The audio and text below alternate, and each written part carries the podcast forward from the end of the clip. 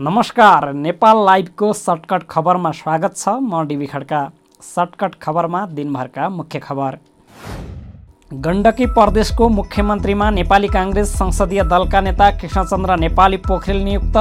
पोखरेललाई काङ्ग्रेस माओवादी केन्द्र जसपा राजमो र एकजना स्वतन्त्र सांसदको साथ। प्रदेश एक दुई र बागमतीमा यस वर्षको मनसुन भित्रियो। यस वर्ष नेपालमा विगतको भन्दा धेरै वर्षा हुने मौसमविदको अनुमान। केही दिनमै मौसमी गतिविधि बढ्ने भन्दै सतर्कता अपनाउन मौसम पूर्वानुमान महाशाखाको अपिल। स्थानीय तहहरूले पनि अब मध्यमकालीन खर्च संरचना बनाएर कार्यान्वयनमा ल्याउनु पर्ने। सात सय त्रिपन्नवटै स्थानीय तहलाई परिपत्र गरी मध्यमकालीन खर्च संरचना तर्जुमा दिग्दर्शन दुई हजार अठहत्तर पठाइयो। आवश्यकता भन्दा बढी स्वतन्त्रताको उपयोग गरेको भन्दै बागमती प्रदेश सभा बैठकमा नरोत्तम वैद्यको आत्मआलोचना उक्त अभिव्यक्ति संसदको रेकर्डबाट हटाउन सभामुखको निर्देशन।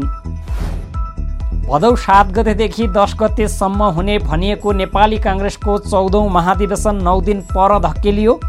शीर्ष नेताहरूले गरेको निर्णय असार तिन गते बस्ने केन्द्रीय कमिटीले अनुमोदन गर्ने। भोकले इथोपियाको टिग्रेमा तेत्तिस हजार बालबालिका मर्न सक्ने राष्ट्रसङ्घको चेतावनी। सुरक्षाकर्मी र विद्रोही बीच लगातार सङ्घर्ष जारी रहँदा टिग्रेको अवस्था जर्जर। एक वर्षमै सत्र लाख मानिस विस्थापित। विश्व बैङ्कले नेपालको उच्च शिक्षाको गुणस्तर सुधारका लागि करिब पाउने सात अर्ब रुपैयाँ सहयोग गर्ने। अनलाइन शिक्षा तथा विपन्न र कमजोर विद्यार्थीहरूका लागि शैक्षिक संस्थामा पहुँच बढाउन खर्च गरिने। कोरोना खोपको दुई डोज बिचको फरक धेरै राखिए सङ्क्रमणको खतरा बढ्ने अमेरिकी राष्ट्रपतिका सल्लाहकार डाक्टर फाउचीको चेतावनी। दुई डोज बिचमा फरक चार हप्ता हुनुपर्ने उल्लेख। एक सय पचास मुलुकमा रहेका आफ्ना एघार लाख नागरिकलाई कोरोना विरुद्धको खोप दिँदै चिन सरकार। चिनमा उमेर मापदण्ड पुरा गरेका विदेशीहरूलाई पनि खोप लगाउने योजना।